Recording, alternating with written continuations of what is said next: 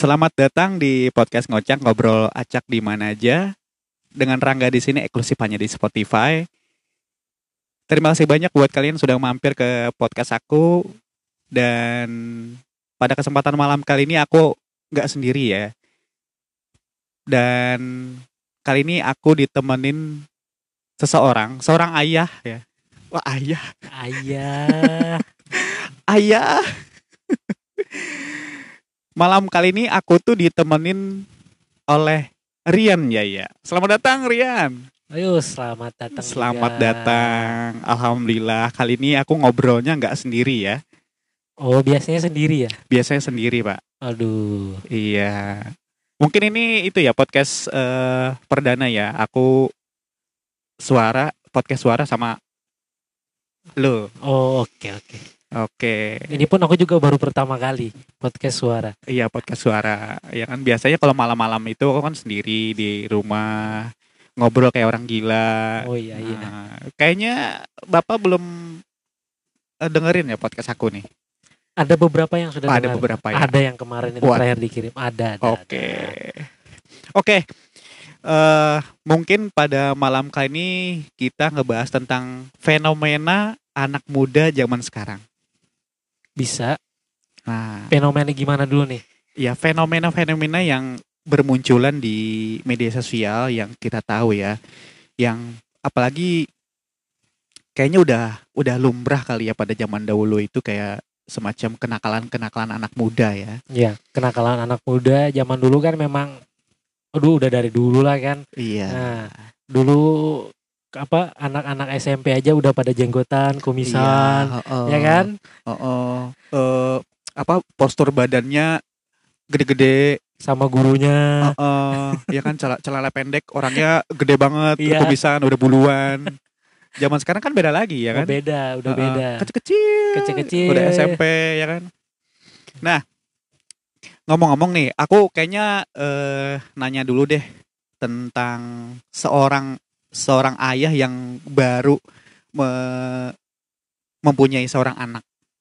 Nah, gimana nih?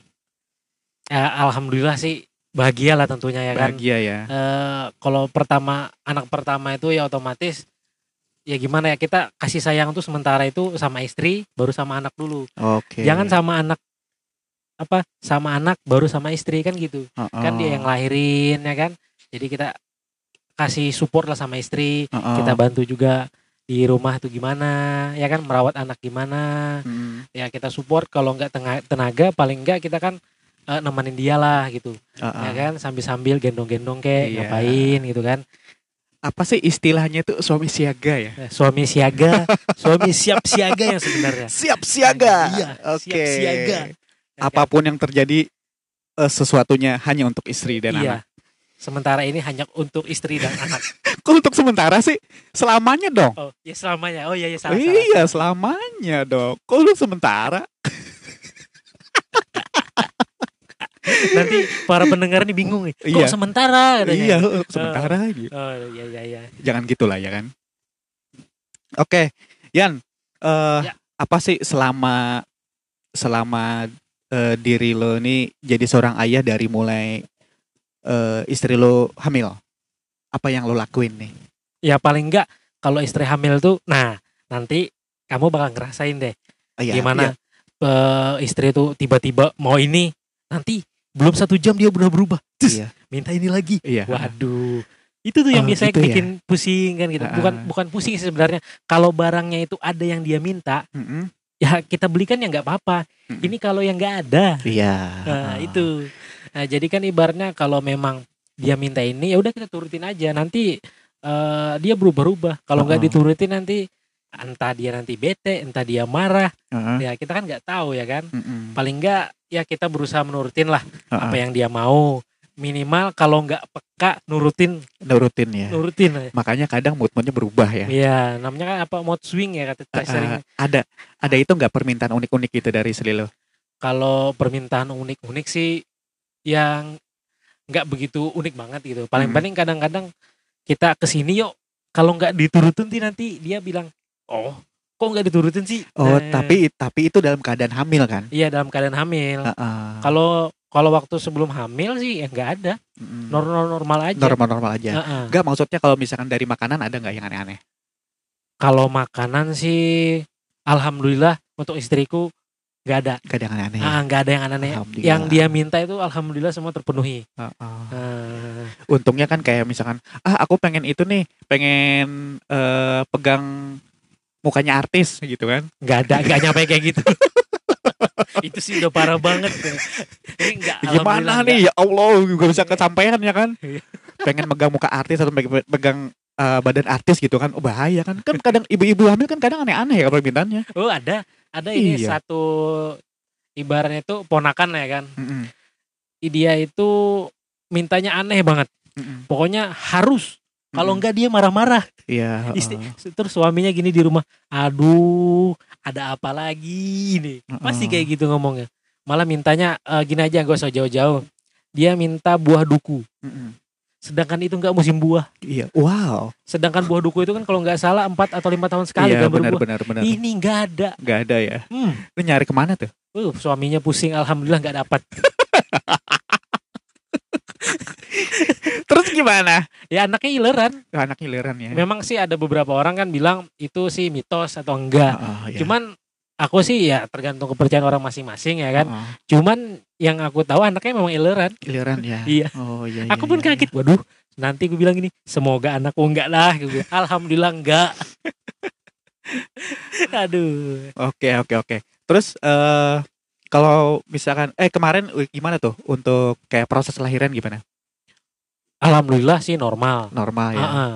Eh, as- ya walaupun ya di mana-mana pasti suami khawatir dong ya kan. Iya. heeh. Eh, walaupun kita menghadapin Heeh, iya. persis dari mulai dari mulai dari sakit perut Mm-mm. sampai bayi itu mau nongol sampai keluar alhamdulillah ngadepin alhamdulillah masih kuat Oh iya iya iya. cuman rasa khawatir sih pasti ada ya kan Heeh, deg-degan pasti ada dong ya. pasti deg-degan lah namanya kan anak pertama ya kan Heeh.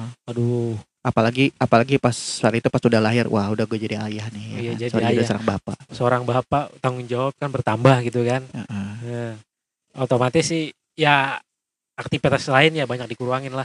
Oke. Nah Yan eh, ngomong-ngomong masalah kayak semacam lahiran gitu ya. Nah sekarang kan eh, banyak tuh eh, fenomena-fenomena lahiran di luar nikah waduh iya sih memang banyak sih Iya beritanya iya apalagi anak-anak yang usia dini yang usia dini umur-umur eh, 20-an bahkan ada yang belasan belasan tahun ya belasan Iya. tahun Nah, lo gimana nih sebagai orang ayah eh, untuk menyikapi untuk melindungi anak lo di masa depan gimana nih kira-kira? paling enggak kita kan ajarkan sex education di usia dini. Ah, itu dia. Iya, itu yang penting sekarang. Senang banget gua nih kalau misalnya udah denger-denger sex education nih. Ya, bukan masalah ke seksnya, pelajaran masalah iya, seksnya. bener iya. iya masalah sex education untuk anak-anak kita kan. Iya. Ah, ah. Ya kan? Bukan bukan hanya untuk anak-anak kita sih sebenarnya, untuk eh, anak-anak yang lain. Ya harusnya kan eh eh, teman-teman anak itu nanti ya kita kenalin lah. Ah, ah. Kan diajak ke rumah. Mm-mm. Nah, baru kita obrolin eh, santai sambil makan-makan dikasih tahu apa sih sex apa sex education itu terus gimana sih menghadapinya ya kan paling nggak diajarin ini loh yang nggak boleh iya, ini benar. yang boleh ini batasan Ah, ah. nah kan gitu apalagi sekarang kan anak-anak zaman sekarang SD aja udah pacaran Iya.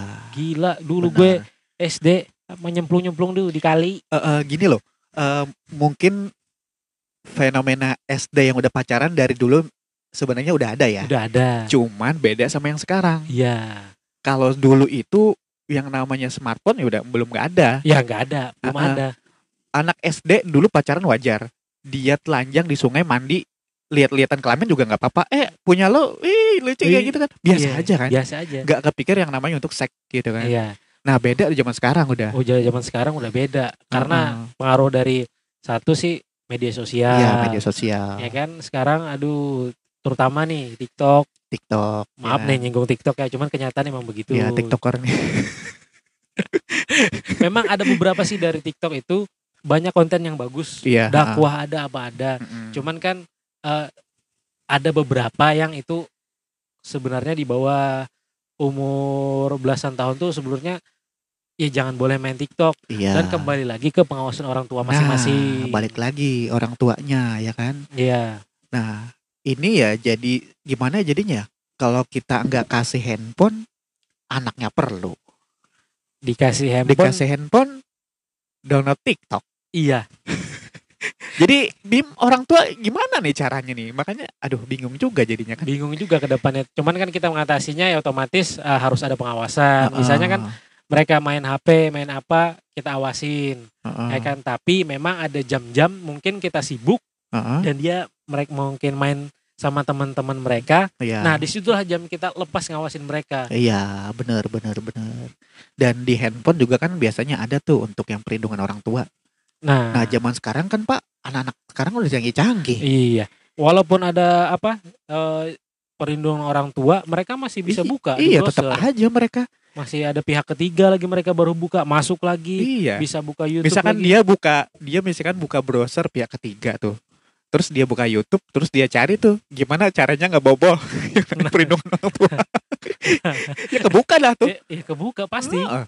walaupun itu YouTube-nya mode anak tapi dia masih bisa buka dia YouTube masih yang buka akses. khusus khusus apa untuk dewasa lah Heeh. itu masih tanggung jawab eh, berat untuk mendidik eh, dari usia kalau menurut aku sih ya dari usia berapa tahun gitu kan Mm-mm. sampai dia kelas 6 SD SMP lah Mm-mm. Paling enggak itu yang pe- apa yang harus ditekankan. Iya, benar-benar. Nah, balik lagi nih. eh sekarang kan eh, di tempat kita kita ini kan kita kita ini lagi beredar berita yang namanya dari dulu sih sebenarnya ya. Ya dari dulu. Dari 2000 berapa sih itu kalau nggak salah? Lu pernah dengar ceritanya nggak? Yang kayak dia ngelahirin itu loh. Yang apa ngelahirin 2017 terus apa ya? Yang pokoknya gak usah disebut lah pokoknya itu tahun itu Iya, sekitar iya. tahun 2016 2017 kalau nggak salah. Eh, nah Yang mulai situ tuh. yang kejadian kok salah di Gunung Ulin ya? Di Gunung Ulin iya. Ah. Dia itu ngelahirin ngelahir ngelahirin sendiri sih ya. Ngelahirin sendiri terus eh, dia potong pusernya itu katanya dia lihat dari YouTube. Wow. Nah, ya kan? Agak ngeri coy. gila nggak? Ngeri ngeri sih menurut Iya. aku. Itu kalau nggak salah eh, masih sekolah dia. Masih sekolah masih pula. sekolah ya ngeri. Ah, serem juga ya. Ngelahirin sendiri natak tali pusar sendiri. Mm-mm. terus dia terus dia ngasih ke ke mana ya? Kepala desa kalau nggak salah. Atau Pak RT gitu ya. Sorry nih kalau misalnya mau salah nih. Terus dia bilang saya nemu nih. Nah, padahal dia ngelahirin pada ya? pada enggak yang nyerain orang tuanya. Oh orang yang orang tua yang tuanya cowok. Oh. Yang yang bapaknya. Yang bapaknya? Ah, ah, yang bapaknya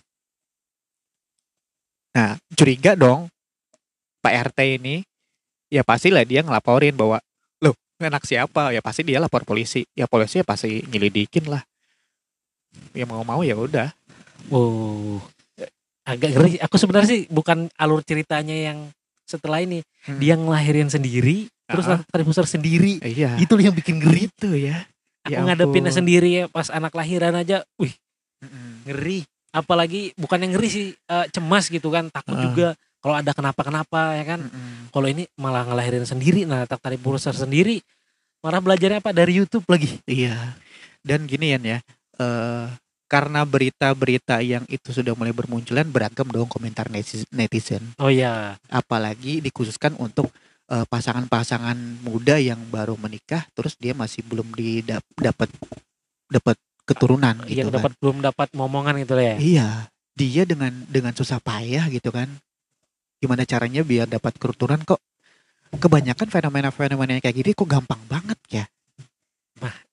inilah mungkin ya salah satu Ujian kali ya. ujian lah mungkin buat mereka kan Mm-mm. kalau yang sudah halal kok malah susah iya, nah, mungkin belum waktunya ya kan heeh. kalau yang apa namanya kalau yang di luar nikah kok malah enak Mm-mm. enak dapat gitunya kan ya kembali lagi kan itu kan nggak bisa ini nggak bisa menilai seseorang menjudge Iya. gimana ya kan yang ter- tetapi sih bagus apa langkah baiknya hindarilah itu kan Iya gitu. benar sih. Nah namanya itulah eh, balik lagi kan ke fenomena eh fenomena eh, kenakalan remaja remaja.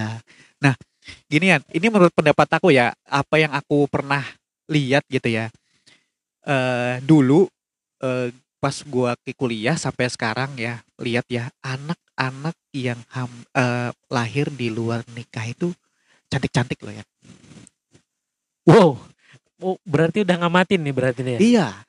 Karena itu pengalaman penga- aku lihat oh ini anak yang hamil gila cantik-cantik kata gue ya. Mungkin Iya. ibunya cantik mungkin sama I bapaknya. know juga ya. Terus yang yang yang kemarin kejadian itu yang di Gunung Ulin cantik juga. Itu udah udah besar sekarang. Oh nggak tahu tuh. Aku Oh. nggak tahu. Aku udah nggak nggak pernah ketemu sih. Oh, belum pernah ketemu Belum ya. pernah ketemu sampai sekarang loh. Cuman karena eh basically ya aku kan eh, latar belakangnya kan lawyer. Iya. Jadi aku dulu tuh kayak ngedampingin dia eh, sampai di persidangan terus pas udah putusan mereka akhirnya nikah tuh Yan. Udah nik oh nikah. Nikah. Akhirnya dia nikah di pas lagi di tahanan. Oh lagi di sel. Udah gini saya. Oh. Dan itu kalau misalkan dia nggak berinisiatif seperti itu, kayaknya ya hukumannya pasti berat karena tidak ada etikat baik untuk bertanggung jawab. Nah jadi mau nggak mau dia nikah. Dan ceritanya tuh wah cukup deh. Kita nggak boleh nggak perlu deh ngomongin Iya. itu ya cerita dia gimana. Ah udahlah Tapi kan ini kembali lagi kan masih ada itikat baik etikat walaupun ditangkap dulu walaupun ditangkap dulu.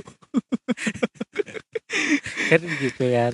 Eh, terus yang kejadian baru-baru ini Kalau kejadian baru-baru ini ya umurnya masih standar juga ya, sekitar umur 20, 20, 20, 25 lah. Umur Oh, Heeh, iya.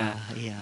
pasti orang bingung nih apa ini yang yang lagi dibicarakan yang baru-baru ini Iya. kan kan ada ini ada baru-baru ini lagi kita bilang viral lah kan sekarang Viral ya. ada eh, pasangan muda-mudi yang di luar nikah buang bayi Mm-mm. kan gitu di rumah kosong pula Iya dulu kosong. Eh, ku- terus yang dari dibaca itu kan masih ada apa namanya Lu kapan taunya? kemarin sih Di- yang di berita di berita di mana? Instagram Instagram. Iya. Oke. Kan- terus apa tuh? Kalau pas pas lu baca tanggapan lu apa nih langsung? Wah gila nih. Gimana? kok pasti bilang loh kok dibuang kan gitu Ah, ah, dibuang. di rumah kosong lagi kalau dapat Mm. anjing gimana mending ke, kan kalau dapat orang kan ya Iya. alhamdulillah selamat Mm-mm, kalau Selamat. itu dapat anjing gimana Iya. ya kan kasihan lah lebih baik alangkah baiknya itu dikasih ke orang kayak Mm-mm. tapi aku habis nggak habis pikir kok bisa ya orang tiba-tiba dengan pendek yang pikiran pendek tiba-tiba langsung buang ah ini kita buang aja kan gitu nggak Iya. nggak se apa nggak nggak manusiawi lah Iya. bayi Begitulah. dibuang dia nggak tahu apa-apa nggak salah apa-apa Iya. ya kan dibuang eh aku merasa yang ibaratnya kan baru punya anak ih aduh geram Mm-mm. sekali lah ibaratnya Iya. ya pasti oh ini orang Ya pasti kesel ya kan. ya kesel lah ini Ah. orang ini sebenarnya mau apa sih kan mau di kok dibuang gitu nggak habis pikir padahal kan ibaratnya kalau di walaupun di kota kita ini kecil Mm-mm. kalau dia beritikat baik lah Mm-mm. banyak kok orang-orang yang mau nampung Banyak ya. banyak Serius Buk- banyak. buktinya kemarin kan pas aku baca berita itu kayaknya pagi ya baru ditemukan Mm-mm. malam itu sudah ada yang mau adopsi Iya benar benar. Bahkan eh, apa udah di tasmia Rebutan loh Yan. rebutan ya Iya rebutan tau. tapi kan udah yang se apa ibarnya memang rebutan cuman kan yang dek- yang adopsi kan memang ibarnya aku dengar-dengar kan bidan ya kayaknya Iya. aku sih kurang tahu ya kan itu kan baca berita aja Mm-mm. tahu tapi udah dikasih nama Iya. kan ibarnya gitu kok kenapa harus dibuang sedangkan orang masih banyak yang mau ini Iya benar. Eh, Eh, mungkin mungkin itu dari persep eh, persepsi lo ya Yan ya. iya Nah balik lagi eh emang pada dasarnya ini gimana ya? Gue jadi sebenarnya jadi agak kesel juga ada. Terus balik lagi gue harus profesional juga. Ya harus profesional. ya kan? karena karena profesional pekerjaan Eh, kan pekerjaan dituntut memang sih ya, harus eh, itu kan benar. Emang emang wajib kan emang harus didampingin. Iya. Cuman di sini kita bicara tentang kemanusiaan ya.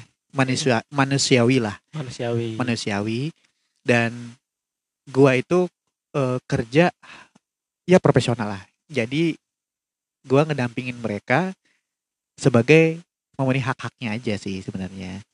memenuhi hak hak Hak-haknya sebagai tersangka. oh iya.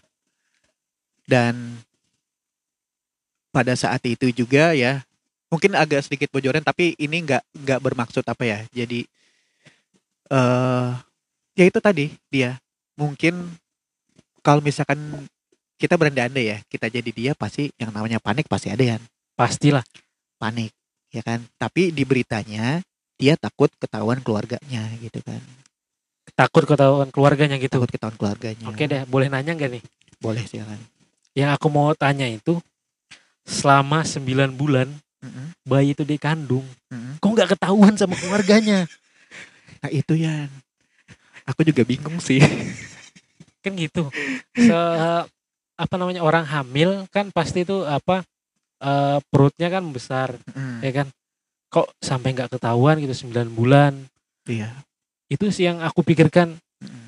Terus eh, selama 9 bulan itu eh mungkin lagi nih satu bulan dua bulan tiga bulan atau empat bulan lah kan masih belum ketahuan bahwa kalau dia hamil. Iya. Nah, kan perutnya belum besar ya kan. 5 sampai 9 bulan itu loh. Mm-mm. itu kan udah mulai membesar kok nggak ketahuan sama keluarganya? Bukan bukan menitik beratkan ke keluarganya. Iya kok bisa dia sam se sehebat itu loh Hmm. menyembunyikan? Menyembunyikan ya. Ah. terus kan gini selama beberapa bulan itu memang dia nggak mikir anak itu mau diapain Mm-mm. ya paling nggak kan dia suruh harusnya kalau memang ya nggak sanggup apa biarnya nggak sanggup untuk ini melanjutkan apa namanya hidup atau gimana ya pokoknya Iya. buat membesarkan bayinya lah kan gitu Mm-mm. apa nggak ada ini ya pikiran untuk ngasih ke orang atau gimana gitu ya itu tadi pak takut Oh. ya juga sih ya. Takut gara-gara takut sih. sama keluarga juga Iya, sih takut ya. sama keluarga. Mungkin malu juga lah ya Ya, malu juga. Ya tapi ini eh bukan maksud apa-apa ya. Ya ini sebagai pembelajaran buat kita. Jadi aku nggak nyalahin aku nggak nyalahin mereka berdua. Tapi ini salah kita semua sebenarnya. Salah orang salah orang tua salah kita semua. Bagaimana cara kita mendidik anak ya? Bagaimana cara kita menyikapi umur-umur mereka itu ya gimana ya namanya kita di sebuah kabupaten atau apalagi kan dia di pelosok di pelosok ya kan? namanya seks itu kayaknya mereka masih tabu mereka taunya enak Iya, pokoknya gas dikit, colok, enak. Ah, ah. Nah, nah mungkin mereka ya itu aja. nah jadi untuk anak-anak muda ya sebaiknya berpikir lagi ya berpikir lagi Berpikir lagi lah, lah untuk melakukan hal tersebut. iya bagaimana ke depannya Iya, paling enggak ya ini sih ibaratnya ya memang kalau apa namanya ya? Kalau melakukan hal-hal ini sebelum nikah sih menurut aku memang berat. iya benar Terlepas terlebih dari dosa, kalau ketahuan pun nanti jadi arak-arakan di kampung Benar atau di mana. Sekarang sih ya mau ag- agak canggih ya. Mm-mm. Mereka mainnya di hotel. iya benar Itu sih yang, yang miris, yang bikin miris sih eh kenapa ya ibaratnya dan pihak hotel itu mengiyakan juga kan iya sih. Kalau nggak diiakan kan nggak mungkin. Ah, ah. Nah, dan kan? itu juga kalau misalkan mereka nggak terima ya mereka untung dari mana Iya, iya pula sih. biasanya kan ada peraturan hotel tuh Yan Iya, nah harus pakai KTP di bawah umur di bawah umur nggak boleh masuk iya. Yang jadi masalah kan sekarang ini banyak di atas umur. I- iya iya iya di atas umur di, dibolehkan gitu ya Dibolehkan. Itu yang jadi masalah. Jadi yang sekarang jadi kan masalah kembali lagi ke orang yang masing-masing. Hmm, Gimana menyikapinya. Eh, paling nggak ya hindari lah dulu namanya seks. iya aduh gimana ya emang pada dasarnya dari dulu sih ya Iya. kebetulan teman sekelas gua juga dulu pernah kejadian kayak gini Waduh.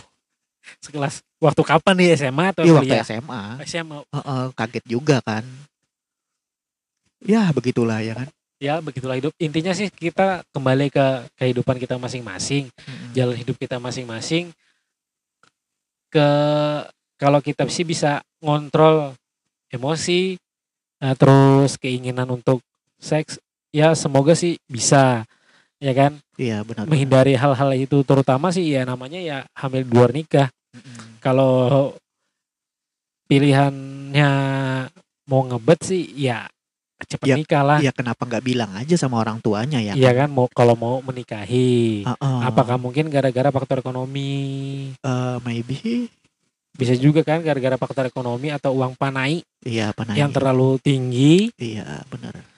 cari cepatnya Ya Ya itu. udah. Iya.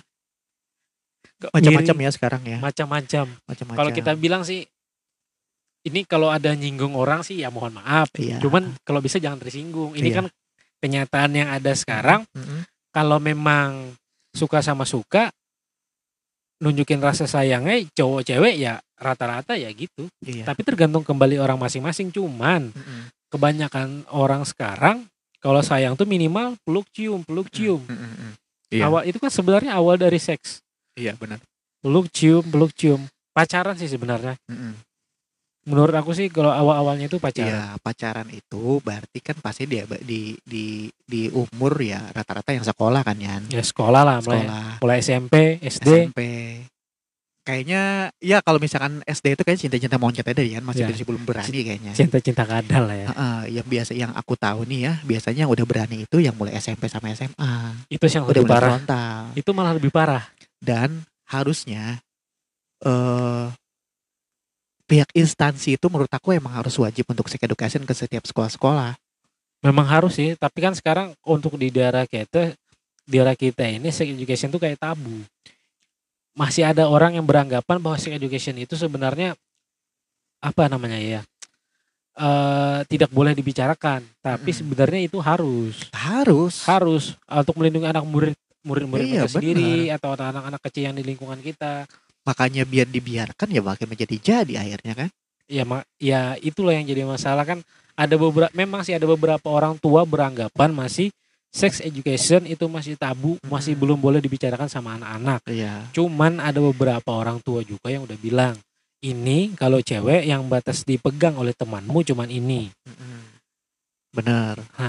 kan kembali terus eh, untuk cowok juga yang ini ini nggak boleh dimainin Iya. kan bener. harusnya memang ada kita tekankan kayak gitu terus eh, untuk eh, lingkungan juga berpengaruh sih bro Iya, benar, benar banget. Lingkungan orang tua apalagi kan apa anak-anak yang sekarang eh, itu lebih banyak apa namanya ya, di rumah itu sendirian Iya, karena benar. eh, orang tua bekerja Mm-mm. jadi kan gak ada pengawasan sekarang kan enak wifi di rumah tersedia Mm-mm. udah Iya, wifi itu berselancar aja di dunia maya shoot cari apa pun jadi iya, benar banget. Lebih mudah mereka akses kan. Iya. Dan orang pu or- dan orang tua pun tidak mungkin ngawasin mereka Hmm. 24 jam. nggak mungkin Mereka buka apa, mereka buka apa tanpa terkontrol. itu menurut aku sih nggak bisa memang harus ada orang tua yang mendampingi Yan, gini ya. Eh, aku pernah dapat cerita. Kayaknya dari teman kita juga sih. Cuman aku nggak mau nyebutin namanya. oke oke Nah, dia itu guru, guru di salah satu SD, dan Iya. dia pernah cerita anak SD ini udah pinter yang namanya akses website film porno di internet wow dengan menggunakan VPN. Gila nggak? SD loh udah ngerti PBN loh iya. Kayaknya lu tahu deh websitenya apaan Yan. kayak kayaknya Iya, lu pasti tahu. Lu pasti tahu karena lu pernah ngasih tahu nih website. kayaknya anak-anak sekelas SD tahu dan dia nggak malu untuk eh, ngasih tahu gurunya kebuka gitu. iya, bisa ya heeh. dan dan ini cerita langsung dari temen-temen kita itu. oh Heeh. hebat anak-anak sekarang ya Iya. Aduh, luar biasa sih sebenarnya ya. Dia enggak VPN dia tahu loh gimana. Jadi misalkan nih dia buka dari temennya nih ya kan. Wah, eh, alamat emailnya gak bisa dibuka nih. Kira-kira apa ya caranya? Oh iya download VPN, VPN. PBN Di download lah tuh VPN. Kebuka. aduh ya juga sih zaman sekarang kan ya Canggih-canggih kan Canggih-canggih. sekarang. Iya. Anak SD itu kayak aduh memorinya kuat banget deh. ya rasa pengen tahunya rasa banget pengen tahunya kuat banget. kuat banget gede banget pokoknya aduh itu sih yang tantangan sekarang di hidup zaman sekarang orang tua zaman sekarang itulah tantangannya ngawasin Mm-mm. anak masalah Dunia seks digital ini ya. Iya, seks eh, terus kalau drug sih aku kurang ini ya, Kurang tahu. kurang tahu. Wah, sih. kalau drug jangan di Oh, kalau drug ya kayaknya kalau untuk drug itu di umur-umur udah itu deh udah agak dewasa dia. Oh iya, Nanti karena mem- memerlukan uang banyak kayaknya. mengeluarkan uang banyak. Karena untuk anak kayak anak-anak SD, SD atau SMP kayaknya sekelas apa ya? Apa sih yang biasa itu kalau di sini itu tuh? Aduh, komik komik kayaknya level bawah deh, Pak. Iya bener, bener, bener, bener. Komik itu kayaknya level-level anak-anak SMP. Iya. Lu pasti kan jalan-jalan ke mana suatu tempat pasti ada komik kan banyak banget pakai dus, pakai dus musrakan ya kan? Iya. temannya kuku bima pula aduh Ah, kuku bima kurang nih. Pakai apa autan ya? kok ya itu sih yang sebenarnya kan yang perlu diawasi cuman kan Iya, itu jarang Jarang. sekarang sih yang paling berat orang tua sekarang smartphone ini Iya. Benar. Enggak. benar. nggak nggak dikasih dia sekolah harus daring daring. Apalagi zaman sekarang. zaman sekarang covid Covid. Itulah yang sekarang tuh jadi orang-orang pada orang tua pun bingung Iya. Nggak- Selain bingung Pak ya, pusing orang tua. kuota Karena yang tadinya belajar di sekolah ya, tiba-tiba ke rumah pusing Pusing. ibunya. pusing ngajarin pusing kuota Heeh. mending kalau wifi Oh, iya, mending anaknya juga kalau paham. Kalau anaknya nggak paham, kebanyakan sih enggak ya kebanyakan sih enggak. iya. Ya pernah gue juga nanya sama anak SD, bro kata gue, nggak sekolah? Enggak om. Kenapa? Ya gimana covid kata dia gitu. Terus enakan mana katanya eh sekolah offline sama daring? Ya offline lah kata dia kan, lebih paham kata dia kan. Hmm. Terus kalau misalkan offline juga enak dapat uang jajan. dia bilang kayak gitu. Kadang nggak paham katanya kalau daring nggak masuk, nggak eh, pokoknya susah lah katanya. Itu sih ya salah satu ya zaman sekarang ya gimana lagi oh, para orang tua pun harus gimana ya ekstra ekstra perhatian Iya, ekstra perhatian. itu sih yang pertama Heeh. Dan sama juga orang tua kayaknya harus lebih menyibukkan anaknya kali ya. Kayak di ekstrakurikuler gitu. memang ya memang sih harus Iya, dari Ya kan? kecil sih dari harusnya. kecil kan dilatih apa kayak kegiatannya sepeda Iya, atau bela diri. bela diri kan Apa Ya. kayak ya. Pokoknya segala bentuk olahraga lah. olahraga Panah.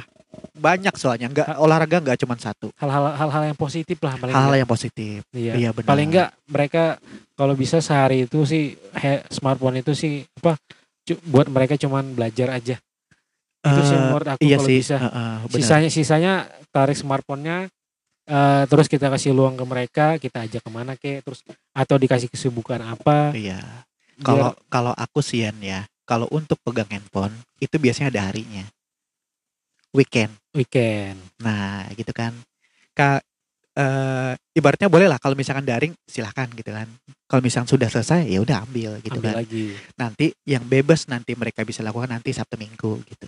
ya pokoknya pas mereka hari libur lah Hari pokoknya. libur, iya. itu pun tetap ada pengawasan kita lah ada pengawasan, iya. Apalagi kan orang tua, wah macam-macam deh, ya kan. iya Oh itu tuh anaknya itu udah dibeliin eh, tel apa handphone iPhone lagi. Apalagi itu tuh pak eh, masa aku nggak dibeliin eh, si misalkan si Budi itu dibeliin tablet, ya kan? masa aku enggak ya kan? aduh Dan hebat ya Dan orang tua pun biasanya kan eh, gengsi. iyalah Ah, pasti anak dibelikan Iya dibelikan kan, itulah hebat-hebatnya anak sekarang minta dikasih minta dikasih. dulu kalau kalau nggak bagus-bagus Iya. terus nggak bantuin orang tua nggak Ah-ah. bakal dikasih Nggak bro bakal dikasih. uang jajan aja seribu aja tuh bahagia Bener bener banget itu. sekarang seribu nggak ada arti Ntar dulu ngomong-ngomong seribu, emang dulu seribu beli apaan? wih banyak bro waktu Banyak ya. zaman aku itu masih bisa beli 500 ya Beng-beng. 500 bisa masih beli eh, nasi kuning itu zaman SD tuh Iya iya iya. nasi iya. kuning terus dikasih lagi nanti ini gula gaib Mm-mm. 500 ya. Kalau nggak salah nasi kuningnya itu 300 rupiah. Terus nasi apa gula gaitnya itu Mm-mm. gula itu 200 rupiah. Iya dua rupiah ya. Oh gitu. eh ya begitu ya untuk fenomena zaman-zaman sekarang ya. Zaman-zaman sekarang udah beda sama zaman dulu itu aja sih intinya. Iya. Intinya sih kalau menurut aku zaman sekarang itu kita eh, harus kuat-kuat menyikapi eh, keadaan sekarang. Benar. Terutama kan eh, kita sekolah anak-anak itu dari rumah daring ya kan Iya. harus ada ha- lebih ekstra lah kita ngajarin mereka Iya. terus untuk eh, di lingkungan kita harus lihat betul-betul apakah lingkungan ini memang bagus buat anak kita atau tidak. Iya benar. Apalagi misalkan kalau misalkan anak lu udah besar ya kan mending ke rumah aja gitu temennya kan. Iya lebih baik itu. main di rumah lah. Jangan main gak usah di luar di luar. Iya benar. Kita harus tahu sih siapa di sama siapa mereka bergaul dan sikapnya kayak gimana. Nah itu sih salah satunya. Hmm. Terus sih kalau menurut aku untuk ke depannya sih eh kalau bisa hal-hal yang berbau sex education, pelajaran masalah seks itu paling nggak di sekolahan itu adalah iya benar ada Benar. pengajaran ada Benar banget. pelajarannya mulai dari SD. Mm-mm, benar Itu itu sih kalau misalkan nggak ada ya pasti instansi terkait juga pasti harus ada tugasnya dong harus ada tugasnya Iya. ibaratnya kalau nggak bisa mengawasi paling nggak memberikan arahan arah-arahan misalnya kan satu minggu itu ada pem- pembicaraan Oh. masalah itu iya seminar gitu kayak Iya, semi- kalau seminar sih, kalau anak SD kayaknya bukan seminar, bang. Tempat main jadi. apa sih bukan seminar sih itu kayak semacam pertemuan gitu ya Iya pertemuan, perkenalan gitu ya ya ke sekolah-sekolah. Hmm, ya Dan itu pun eh, jangan dianggap hal tabu lah. Iya, kalau benar. masalah sex education itu menurut aku, biarkan anak-anak itu juga eh, buat mereka sendiri. Iya benar Paling nggak mereka tahu loh ini loh batasan untuk berteman antara laki-laki dan perempuan, iya Laki- lelaki sama lelaki itu ada batasan mereka masing-masing. benar Menurut aku sih begitu sih. Hmm. Ya batas-batasan itu ya pasti ya bisa dijaga ya. Iya. Ya zaman kita dulu yang namanya cium cewek ya masih belum tahu ya. Ya, belum- Tapi lu tahu nggak yang sebenarnya cium itu sebenarnya kalau bisa itu bisa dilaporin loh. Mencium iya- itu Iya juga sih. itu udah kena tuh. apa eh, Lumayan itu loh hukumnya- hukumannya. hukum apa seks secara verbal atau gimana maksudnya Ah bukan. Itu emang udah masuk pelecehan sih. Karena udah cium kalau eh, Oh. mencium kan beda lagi kalau misalkan kayak ngomongan kayak kayak omongan. Nah itu itu itu, itu secara verbal tuh. oh iya, iya. itu kalau misalkan udah cium sesuatu ke cewek kan itu udah udah kontak namanya. Beda lagi. iya iya juga sih ya zaman sekarang Oke, mungkin itu itu aja kalian ya. mungkin untuk ini eh pertemuan pertama lah buat aku ya Iya. ini dulu lah ya kan Oke, terima kasih banyak Yan ya. oke sama-sama Oke. mungkin kita bisa jumpa di lain waktu Oke, next time ya. yang hal-hal yang lebih kocak lagi Oke, mungkin nanti sekali-kali kita ngelawak lah oke. Ini juga kita pasti ada ngoloknya sih juga dikit sih. ya walaupun serius tapi Iya, santai ya. santai Heeh, Oke. Terima kasih banyak buat teman-teman yang udah dengerin podcast aku.